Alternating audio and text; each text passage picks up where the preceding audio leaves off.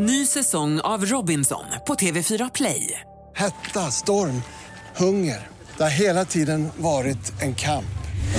Nu är det blod och tårar. Fan händer just nu. Det. är Detta är inte okej. Robinson 2024, nu fucking kör vi! Streama söndag på TV4 Play. I dagens avsnitt en otäck berättelse om familjefaren Thomas som fick besök mitt i natten medan hela hans familj låg och sov. Helt plötsligt så bara slog tanken mig. På barnen. Jag hörde fotsteg som gick upp i trappan och, och fick to total panik. Och ännu en otäck berättelse om Rebecka vars nattliga cykeltur från jobbet ledde till en traumatisk upplevelse. Jag skrek så mycket jag bara kunde, men han brydde sig inte. Och jag, jag tror faktiskt att eh, han eh, njöt av det. Detta är podcasten Do you wanna play a game med mig, Joy, där en berättelse är sann och en är falsk.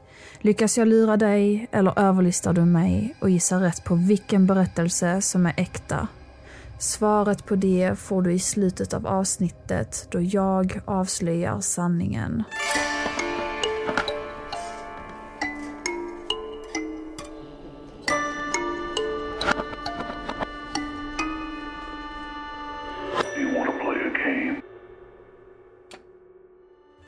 Vad skrämmer dig mest?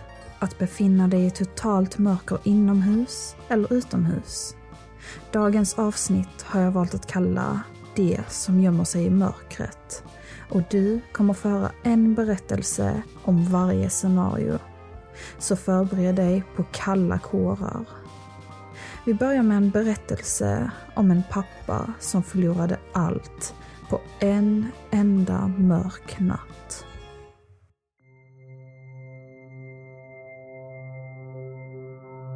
Det började närma sig midnatt när Thomas kom hem från jobbet. Han hade precis jobbat 14 timmar i sträck, vilket lämnade honom både hungrig och trött. Försiktigt steg han in i sitt hus som badade i mörker. Hans fru Petra och hans två söner Timmy och Benjamin låg fridfullt och sov i sina sängar. Hans dotter Erika sov hos en kompis den natten. Thomas rörde sig långsamt fram och tände inga lampor. Han ville inte väcka någon av hans familjemedlemmar. Han var däremot tvungen att äta eftersom hans mage desperat skrek efter mat. Så han smög sig in i det mörka köket. Jag hade bott i det där huset i flera år så jag kände inte att jag behövde tända någon lampa eller så.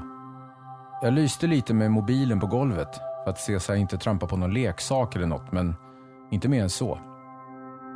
Thomas tog fram några mackor och bredde dem. På la han salami, hans favoritpålägg. Han åt snabbt upp mackorna och tassade sedan in i sitt sovrum där Petra låg och sov. Han tog ljudlöst av sig sina kläder och la sig i sängen bredvid hans fru. Mörkret omringade honom och han kände hur sömnen smög sig på. Det dröjde inte länge innan han somnade. Runt klockan 03.00 vaknade Tummas igen. Det var något som kändes fel. Något som gjorde honom orolig. Men han kunde inte sätta fingret på vad. Det var som att jag vaknade upp av ren stress. Eller ångest kanske. Jag vet inte. Det, det är svårt att förklara. Någonting kändes bara fel. Väldigt, väldigt fel. Och min magkänsla hade ju faktiskt rätt den här gången. Mörkret låg fortfarande som ett tjockt täcke över rummet, vilket gjorde att Thomas inte kunde se någonting, men han kunde höra. Snart hörde han en sak som fick honom att bli på alerten. Det var ljudet av ett lås som vreds om. Någon hade tagit sig in i huset. Det var ju inte någon i familjen som kom. Det var mitt i veckan och jag, jag visste ju att ungarna låg och sov eftersom de hade skola nästa dag. Det var inte likt dem att smyga ut heller för den delen, för att det hade de aldrig gjort förut. Fotsteg började närma sig Tummas och Petras sovrum och Tummas låg på helspänn.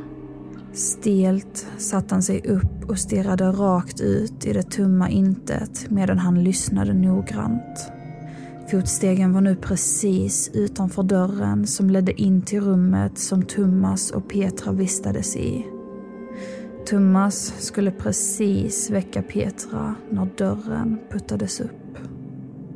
Den stod nu vidöppen, men Tummas kunde inte se vem som hade puttat upp den. Vem som gömde sig i mörkret.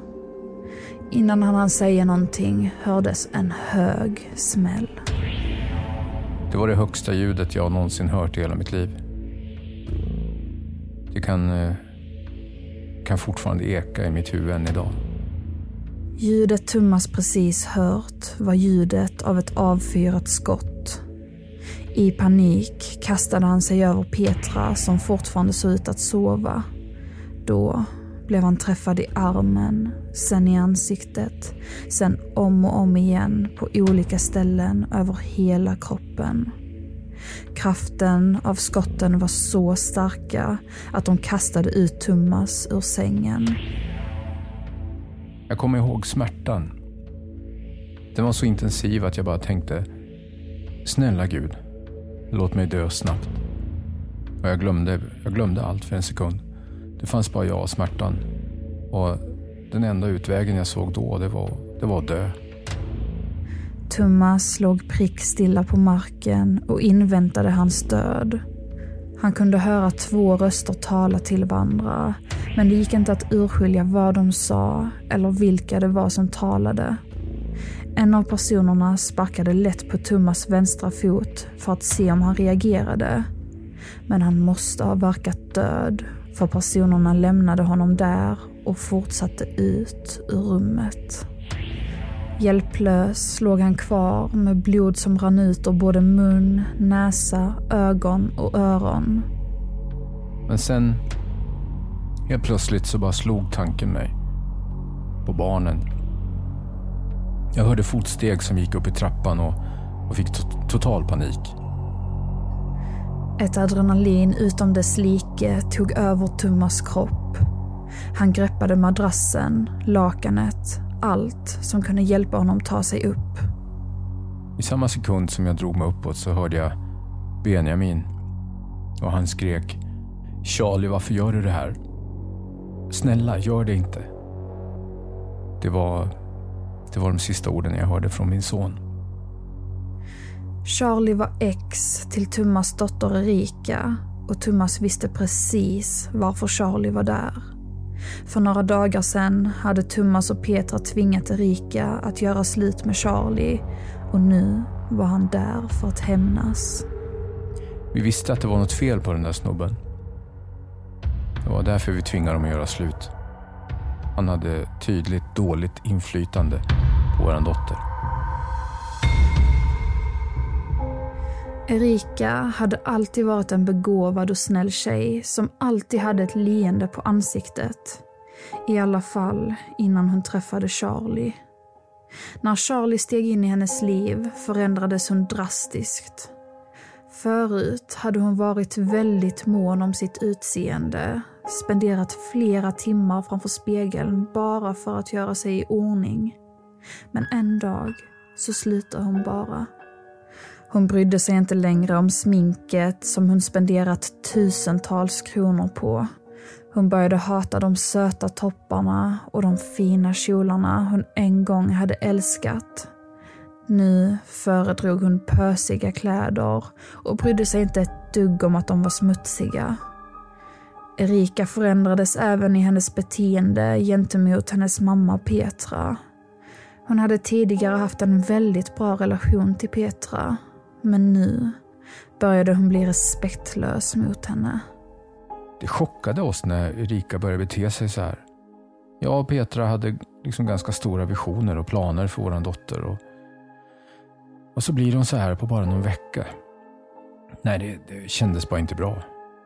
Så vi började leta efter källan till hennes nya identitet och varför hon betedde sig så här. Och det var ju, det var ju Charlie då.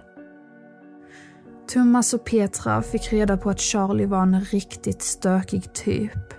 Han drack mycket alkohol, gjorde exakt vad han ville och skröt om hans sexliv som nu involverade Erika. Så fort vi fick eh, reda på att Erika hade en relation till det här monstret så ja, vi tvingade dem att göra slut.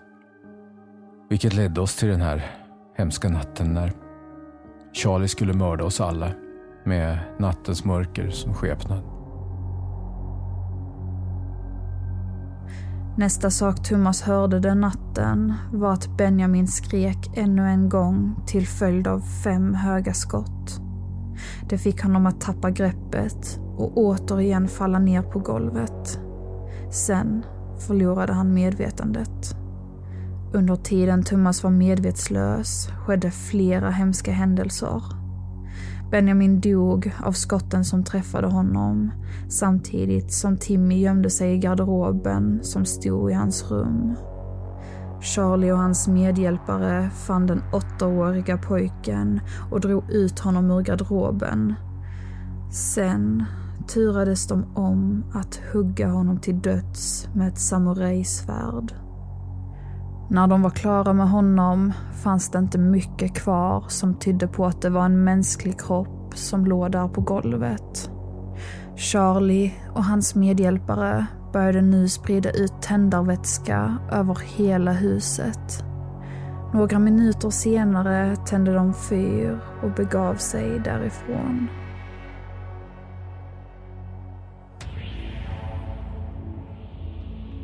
När jag vaknade så, så stod hela rummet i lågor. Och på något sätt så drog jag mig upp och klättrade upp på sängen. Och det var då jag såg Petra. Och det var bara det, var bara det värsta jag sett. Även Petra hade blivit huggen av samurajsvärdet ett flertal gånger. Hennes huvud var nästan helt avhugget. Jag förstod att jag inte kunde rädda henne och att, att barnen var döda. Så jag fick bara en tanke i huvudet och det, det var att ta mig ut. Den enda vägen ut som inte var blockerad av eld var genom husets badrum. Thomas kämpade sin väg dit och lyckades dra sig ut genom badrummets fönster.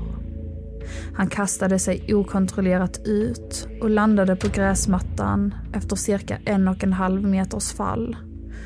Nu skulle han bara ta sig till sina grannar Tommy och Helene för gjorde han inte det skulle han dö där på gräsmattan. Han behövde hjälp. Han kämpade för sitt liv när han kravlade mot grannarna. Det gick väldigt sakta, men det gick framåt. Ungefär halvvägs så kändes det, det kändes helt omöjligt att ta mig hela vägen fram. Så jag stannade upp och, och ville bara dö, helt ärligt. Och sen så tänkte jag på min familj och att jag var det sista vittnet. Och utan mig skulle de kanske aldrig få fast Charlie. Eftersom alla andra som sovit i det huset den natten var döda. Jag tänkte på min dotter som sovit hos en kompis den natten. Och jag kunde inte lämna henne ensam.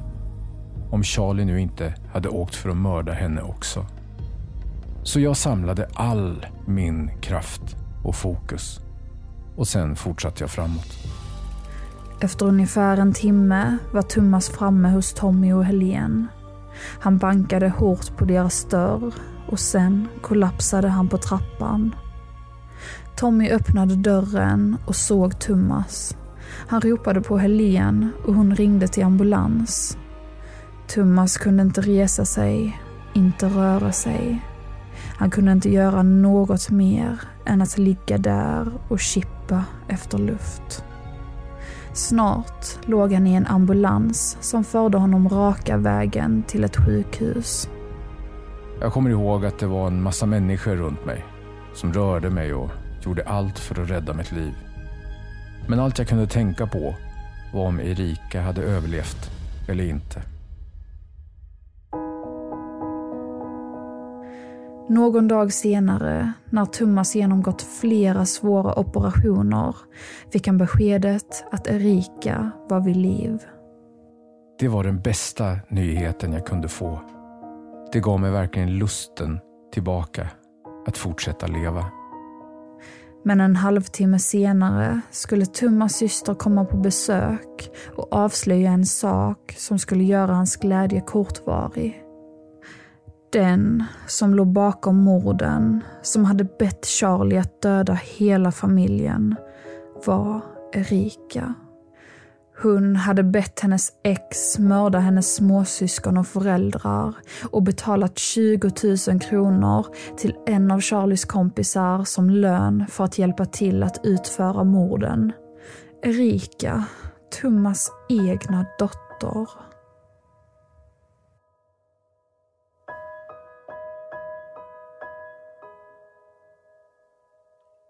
Ny säsong av Robinson på TV4 Play. Hetta, storm, hunger. Det har hela tiden varit en kamp. Nu är det blod och tårar. Fan händer just nu. Det. är Detta är inte okej. Robinson 2024, nu fucking kör vi! Streama söndag på TV4 Play. Ett poddtips från Podplay. I fallen jag aldrig glömmer djupdyker Hasse Aro i arbetet bakom några av Sveriges mest uppseendeväckande brottsutredningar. Går vi in med hemlig telefonavlyssning och, och då upplever vi att vi får en total förändring av hans beteende. Vad är det som händer nu? Vem är det som läcker? Och så säger han att jag är kriminell, jag har varit kriminell i hela mitt liv men att mörda ett barn, där går min gräns. Nya säsongen av Fallen jag aldrig glömmer på Podplay. Det var allt om den hemska berättelsen om Thomas och hans familj. Vad tror du? Är denna berättelsen sann eller är den falsk? Vi fortsätter till nästa berättelse så har du i alla fall två att välja mellan. Berättelse nummer två handlar om Rebecka vars nattliga cykeltur från jobbet ledde till en läskig upplevelse.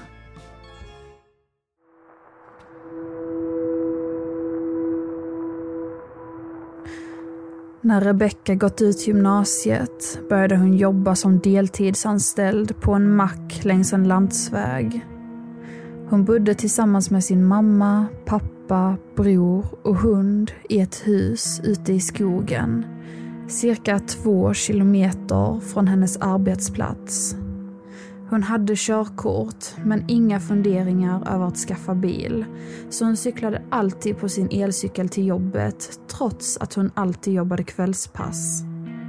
Ja, alltså det var ju vissa som reagerade på att jag alltid cyklade. Och tyckte liksom att, hur fan kan du göra det? Skitläskigt ju. Eftersom det är skogsväg typ hela vägen hem och kvällspassen inte slutar förrän 01.00 så ja, jag fattar ju att det låter sjukt i vissa öron. Cykelrundan Rebecka cyklade varje natt för att ta sig från macken till hennes hus var först på en enfilig landsväg. Sen var hon tvungen att svänga in på en mindre väg som ledde förbi x antal hus. För att sedan svänga in på den mest ensamma cykelvägen som ledde raka vägen genom skogen vilket sedan ledde henne tillbaka till samma väg, fast på andra sidan skogen. Och där, längs den vägen, låg Rebeckas hus. Jag kände bara att jag hellre kom i säng snabbare, alltså än att vara ute och cykla hela natten. Så cykelvägen kändes bäst. Eh, jag var såklart lite rädd när jag cyklade precis just där, men jag tänkte för logiskt alltså liksom vad skulle möjligtvis kunna hända? Det är inte så att farliga människor hänger i skogen klockan halv ett på natten helt random. Rebeckas föräldrar hade inte heller något emot att hon cyklade genom skogen på nätterna. Ja, vi bodde ju i ett lugnt område. Fint hus på landet med eh, grannar var 70 meter ungefär. Berättar Rebeckas pappa. Så det var inte så många som bodde där omkring. Alla kände alla. Dessutom så går elcyklar rätt så snabbt också. Fyra månader in i Rebeckas anställning och fyra månader in i Rebeckas kontinuerliga nattcykling varje måndag, tisdag och torsdag kväll hade ett uppenbart mönster uppstått. Ett mönster som var alldeles för enkelt att läsa av för alla som var uppmärksamma. Det var en tisdagsnatt som Rebecka cyklade från jobbet för allra sista gången. Jag kommer ihåg att jag hade en speciell magkänsla den dagen. Jag var nervös, lite på spänn liksom. Under ett tillfälle stod jag i kassan och hoppade till när en kund kom in vid 23.00 på kvällen. Och det för mig var jättekonstigt. Jag har aldrig någonsin varit en lättskrämd person liksom. När Rebeckas pass var slut gick hon till baksidan av macken, låste upp hennes elcykel och hoppade på. Hon påbörjade hennes cykeltur i mörkret och kände sig mer och mer ängslig desto närmare hon kom cykelvägen. Det kändes som att det var mörkare än någonsin ute. Helt becksvart liksom. Det enda som lös upp vägen framför mig var lampan på min cykel. Efter cirka fyra minuter svängde Rebecka in på cykelvägen som skulle leda henne genom den täta, mörklagda skogen. Förutom att denna gången skulle något ske som skulle hindra henne från att ta sig hem. Så... Eh, jag svängde in på den där cykelvägen. Och jag kommer ihåg att jag trampade fett fort. Även fast det inte riktigt spelar någon roll hur snabbt du trampar när det kommer till elcyklar. Men jag trampade fort ändå. Och sen helt plötsligt, medan jag åker där i typ cirka 30 kilometer i timmen, så hinner jag se som eh, en massa glasskärvor på marken. Och en sekund senare så bara smäller det i mina däck och jag tappar balansen och trillar. Rebecka hade kört över en hög med vassa glasskivor som blivit utspridda som en mur tvärs över cykelvägen. Jag fick väldigt ont i mitt knä och i ena handleden. Men det var mest ytliga smärtor. Inget allvarligt, bara typ sår. Och det sista jag ville var att ligga kvar där så, ja, jag reste mig. Rebeckas hjärta dunkade hårt och hennes kropp började skaka av adrenalinpåslaget som rädslan framkallat. Hon gick fram till cykeln och reste den upp. Då märkte hon att båda hjulen hade fått punka. Resten av sträckan på cykelvägen bestod av en hyfsat brant uppförsbacke och den skulle hon aldrig lyckas ta sig upp för med en punkterad elcykel. Elcyklar är mycket tyngre och ömtåligare än vanliga cyklar. Ja, så jag tog ett snabbt beslut att låsa cykeln.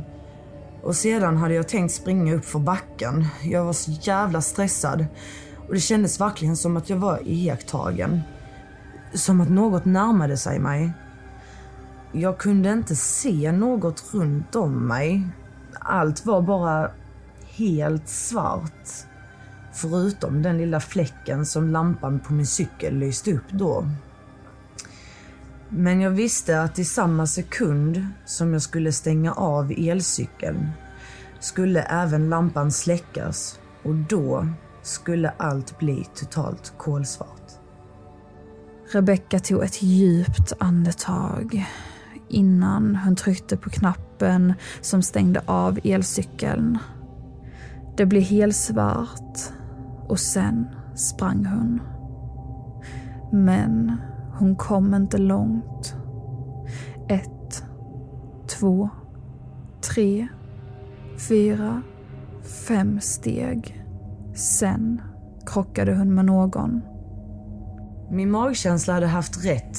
Det var någon där och så fort som jag insåg det så brast jag ut i gråt. Panikartat gråt och jag skrek. Rebecka hade cyklat rakt in i en fälla. Nu var hon i händerna hos en person som lagt märke till hennes cykelvanor och planerat att fånga henne. Jag kunde inte se vem det var. Men jag förstod att det var en man. En väldigt stor och lång man. Han tog ett grepp om mina handleder och började dra in mig i skogen. Rebecka fortsatte att skrika, men det var inte något som mannen verkade bry sig om. Jag skrek så mycket jag bara kunde, men han brydde sig inte. Jag tror faktiskt att eh, han eh, njöt av det. Mannen drog henne till en jaktstuga mitt ute i skogen. Lamporna var släckta. I jaktstugan fanns en lucka i golvet som ledde till ett litet utrymme med en madrass i. Han tvingade ner henne, tog hennes mobil och sen stängde han luckan och låste. Klockan 05.30 vaknade Rebeckas pappa Jonas och insåg att han inte hade lagt märke till att Rebecka kommit hem. Jag brukade alltid vakna lite sådär mitt i natten när Rebecka kom hem. Men det gjorde jag inte den här natten. Rebeckas pappa. Givetvis så var jag lite orolig. Jag, eh, jag gick ur min säng, vandrade mot hennes rum för att se om hon var hemma.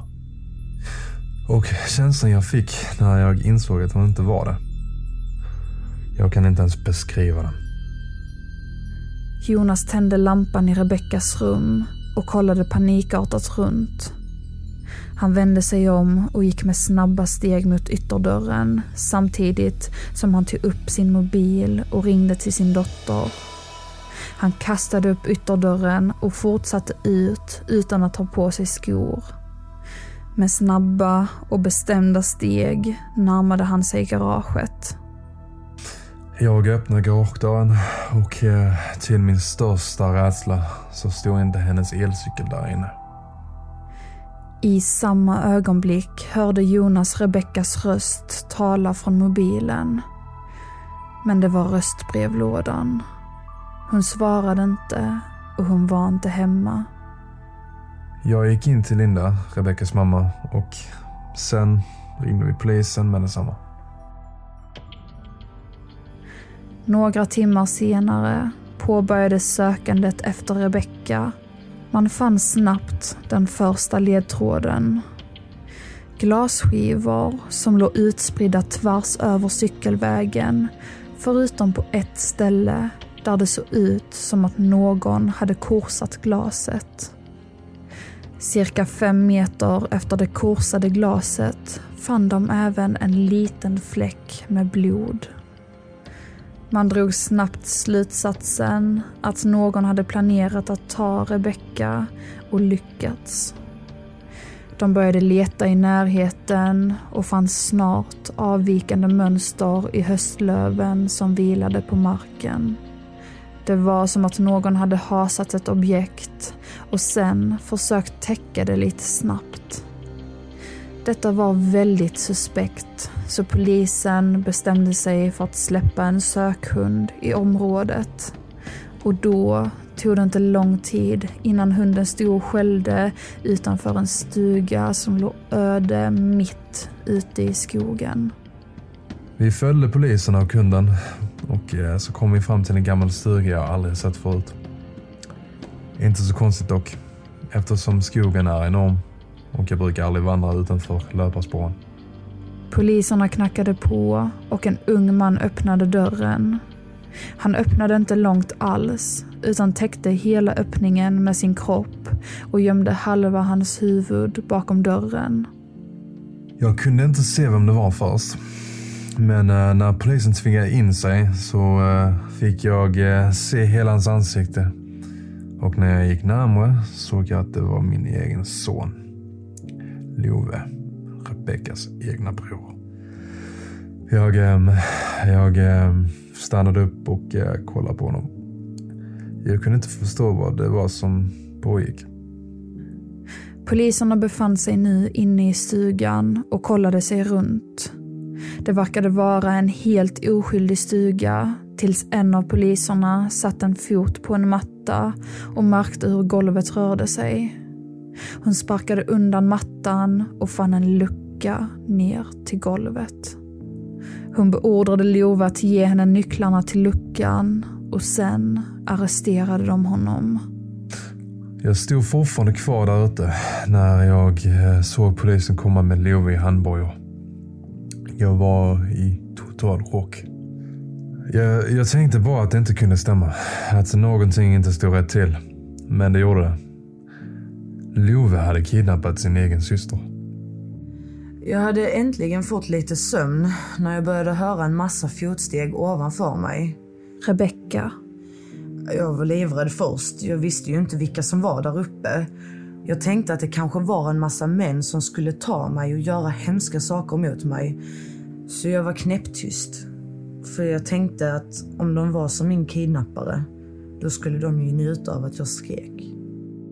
Ett par poliser förde bort Love från stugan och snabbt därefter satt sig en av poliserna på knä och gjorde sig redo för att öppna luckan. Jag hörde hur nyckeln landade i låset och att det vreds om. Jag kommer ihåg att jag satt i fosterställning så långt bort jag kunde komma från luckan och gömde mitt ansikte i mina knän samtidigt som jag sneglade upp mot luckan. Och sen såg jag ett kvinnligt ansikte kika fram när luckan öppnade sig. Polisen introducerade sig själv för Rebecka och meddelade till de andra att flickan var funnen. Sen kom de ner och hjälpte henne upp. Hon var hel och oskadd rent fysiskt, bortsett från ett ytligt sår på knät som börjat blöda. Men hon hade verkligen blivit hittad i tid. Det var hela berättelsen om Rebecca och hur hennes nattliga cykelturer slutade i att hon blev kidnappad. Nu har du fått höra en sann och en falsk berättelse. Frågan är om du kan gissa vilken som är vad. Det har blivit dags att avslöja sanningen. Men först, en liten repris på vad berättelserna handlade om. I den första berättelsen fick du höra om familjefaren Thomas som fick en kort natts sömn när han vaknade vid 03.00 av att någon tog sig in i hans hus. Personerna som tog sig in var hans dotters ex Charlie och hans kompis. De var där på beställning av dottern själv som bett om att mörda hennes egna familj. De sköt alla familjemedlemmarna och styckade vissa av dem med ett samurajsvärd för att sedan tända fyr på hela huset. Pappan lyckades överleva trots att han blev träffad av ett flertal skott. Han tog sig ut ur huset och kravlade sig till grannarna som sen hjälpte honom att ringa polis och ambulans. I den andra berättelsen fick ni höra om Rebecka som under varje måndag, tisdag och torsdag cyklade på sin elcykel till och från sina kvällspass på jobbet. Macken var placerad längs en landsväg och hennes hus låg ute i skogen. En kväll hade en man som visade sig vara hennes storebror lagt glasskivor på cykelvägen som ledde genom skogen, vilket gjorde att Rebeckas elcykel fick punka och hon trillade. Hennes bror drog henne genom skogen och lämnade henne i en jaktstuga. Dagen efter blev hon hittad då en del spår hade glömts bort att döljas och en sökhund enkelt lyckades nosa sig till henne. Så, vilken av dessa berättelser är den sanna? Låt oss höra.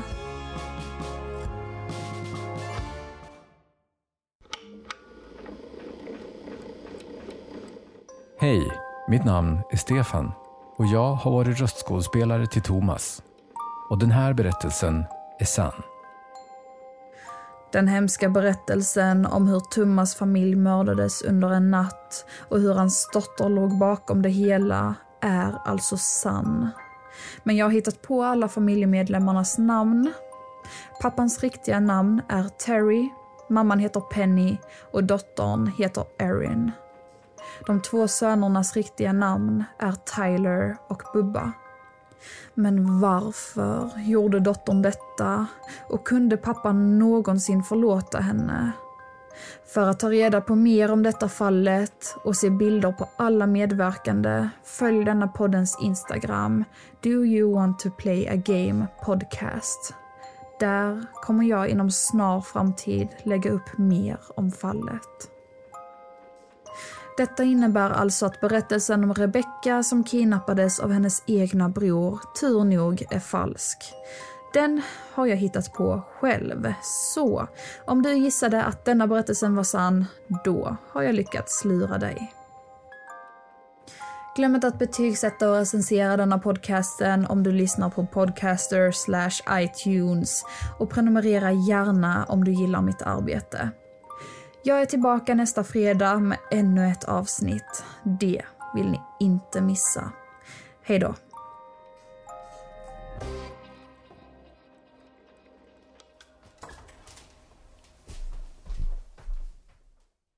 Ny säsong av Robinson på TV4 Play. Hetta, storm, hunger. Det har hela tiden varit en kamp. Nu är det blod och tårar. Fan händer just nu. Det. är Detta är inte okej. Robinson 2024, nu fucking kör vi! Streama söndag på TV4 Play.